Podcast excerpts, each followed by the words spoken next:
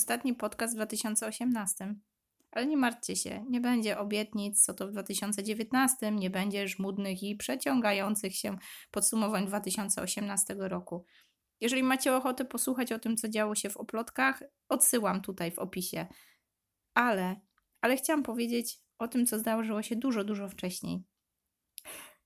Kilka tygodni temu, wraz z Karoliną, która pomaga mi ogarniać technikalia podcastu, odkryłyśmy, że pierwsze odcinki, właściwie trzy pierwsze odcinki naszego podcastu wyparowały. Nie wiadomo jak, nie wiadomo kiedy.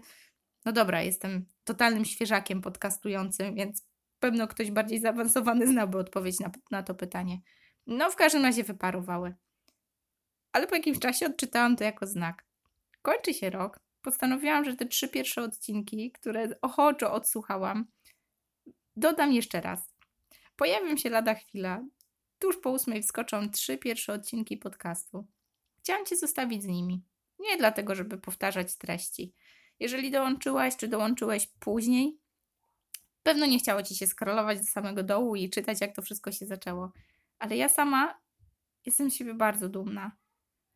Myślałam, że podcast to będzie tylko udowodnienie sobie, że potrafię, że jestem w stanie pokonać kolejną barierę techniczną, po to, żeby dokumentować to, co dzieje się w naszym ekosystemie oplotki. Mam wrażenie, że z miesiąca na, na miesiąc nie tylko ja, ale cała społeczność jesteśmy w coraz to nowych miejscach, że rękodzieło otwiera nam drzwi do zupełnie innych światów.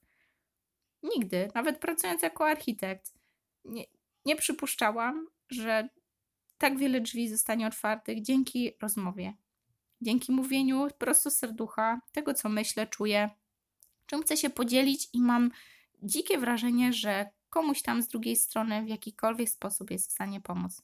To niesamowicie wraca. Dzisiaj miało być uroczyście, bardzo optymistycznie, no ale nie da się ukryć.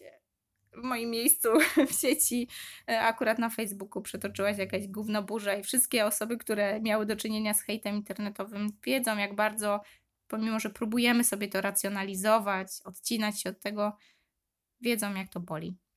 Dlatego nie potrafię tryskać optymizmem i stwierdziłam, że byłabym nie fair udając. Ale za to chciałam powiedzieć, trochę obiecać sobie i Wam, że w 2019 będę kontynuowała podcast. To miał być tylko test, ale chyba zasmakowałam. Jeszcze w listopadzie i grudniu nagrałam kilka wywiadów, które miały się pojawić wcześniej, ale tak naprawdę na bieżąco działo się tyle, że zostały wyparte i ciągle było odkładane na półkę. Więc mogę Was zapowiedzieć, że w styczniu pojawi się kilka odcinków, które były nagrywane na takiej fali wielkiego e, entuzjazmu, optymizmu i pewnie nie będą one super jakościowe, ale myślę, że treści warte są przesłuchania. A dalej? Dalej zapowiada się kolejna seria fascynujących rozmów z osobami, które chcą się podzielić tym, co robią na co dzień. Będą to osoby związane z rękodziełem, ale nie tylko. No dobra, nie chcę zdradzić za dużo bo przecież nie miałam się na ten temat rozgadywać. Ale bardzo serdecznie chciałabym Was odesłać do tych trzech odcinków, które zniknęły. Dlaczego? Bo ten odcinek dedykuję babci. Babci, dzięki której to się wszystko zaczęło.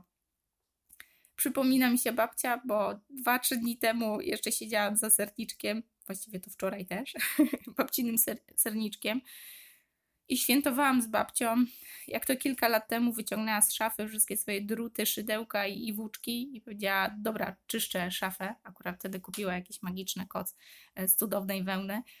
Dobra, Aga, czyszczę szafę, jak chcesz to zabieraj, jak nie to wyrzucam. I gdyby nie to, że babcia właśnie sprzątała na święta, to pewno oplotki nigdy by się nie zaczęły. Pewno odkryłabym tą swoją zapomnianą dziecięcą pasję jakieś parę lat później. Kto wie, czy byłabym w tym miejscu, w którym jestem.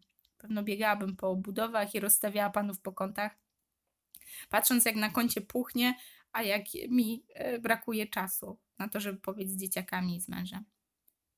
Nie wiadomo, można sobie gdybać, ale mam wrażenie, że e, taka historia zatoczyła koło i wczoraj, kiedy rozmawiałam z babcią i świętowałyśmy te początki oplotek, miałam wrażenie, że gdyby nie ona, nie byłoby tego podcastu. Wiem, przynudzam. Kto chce słuchać takich historii? Dlatego zapraszam Was już niedługo kolejne wywiady. Dużo merytoryki.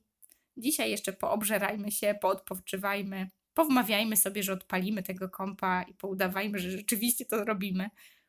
Tymczasem ja chciałam pozdrowić kochaną Karolinę, która pomaga mi ogarniać technikalię tego podcastu. I jak najbardziej pozdrowić Edytę, którą niedawno słuchaliście, była tutaj u nas w podcaście. Edyta umieściła e, nasz wywiad też u siebie, więc zapraszam, jeżeli chcecie posłuchać jeszcze raz, to odsyłam do Edyty. Ale odsyłam Was też do całej listy podcastujących autorów, których sama uwielbiam słuchać. Wiem, że bardzo dużo osób robi polecajki, omawia, opowiada, e, czym chciałoby się podzielić.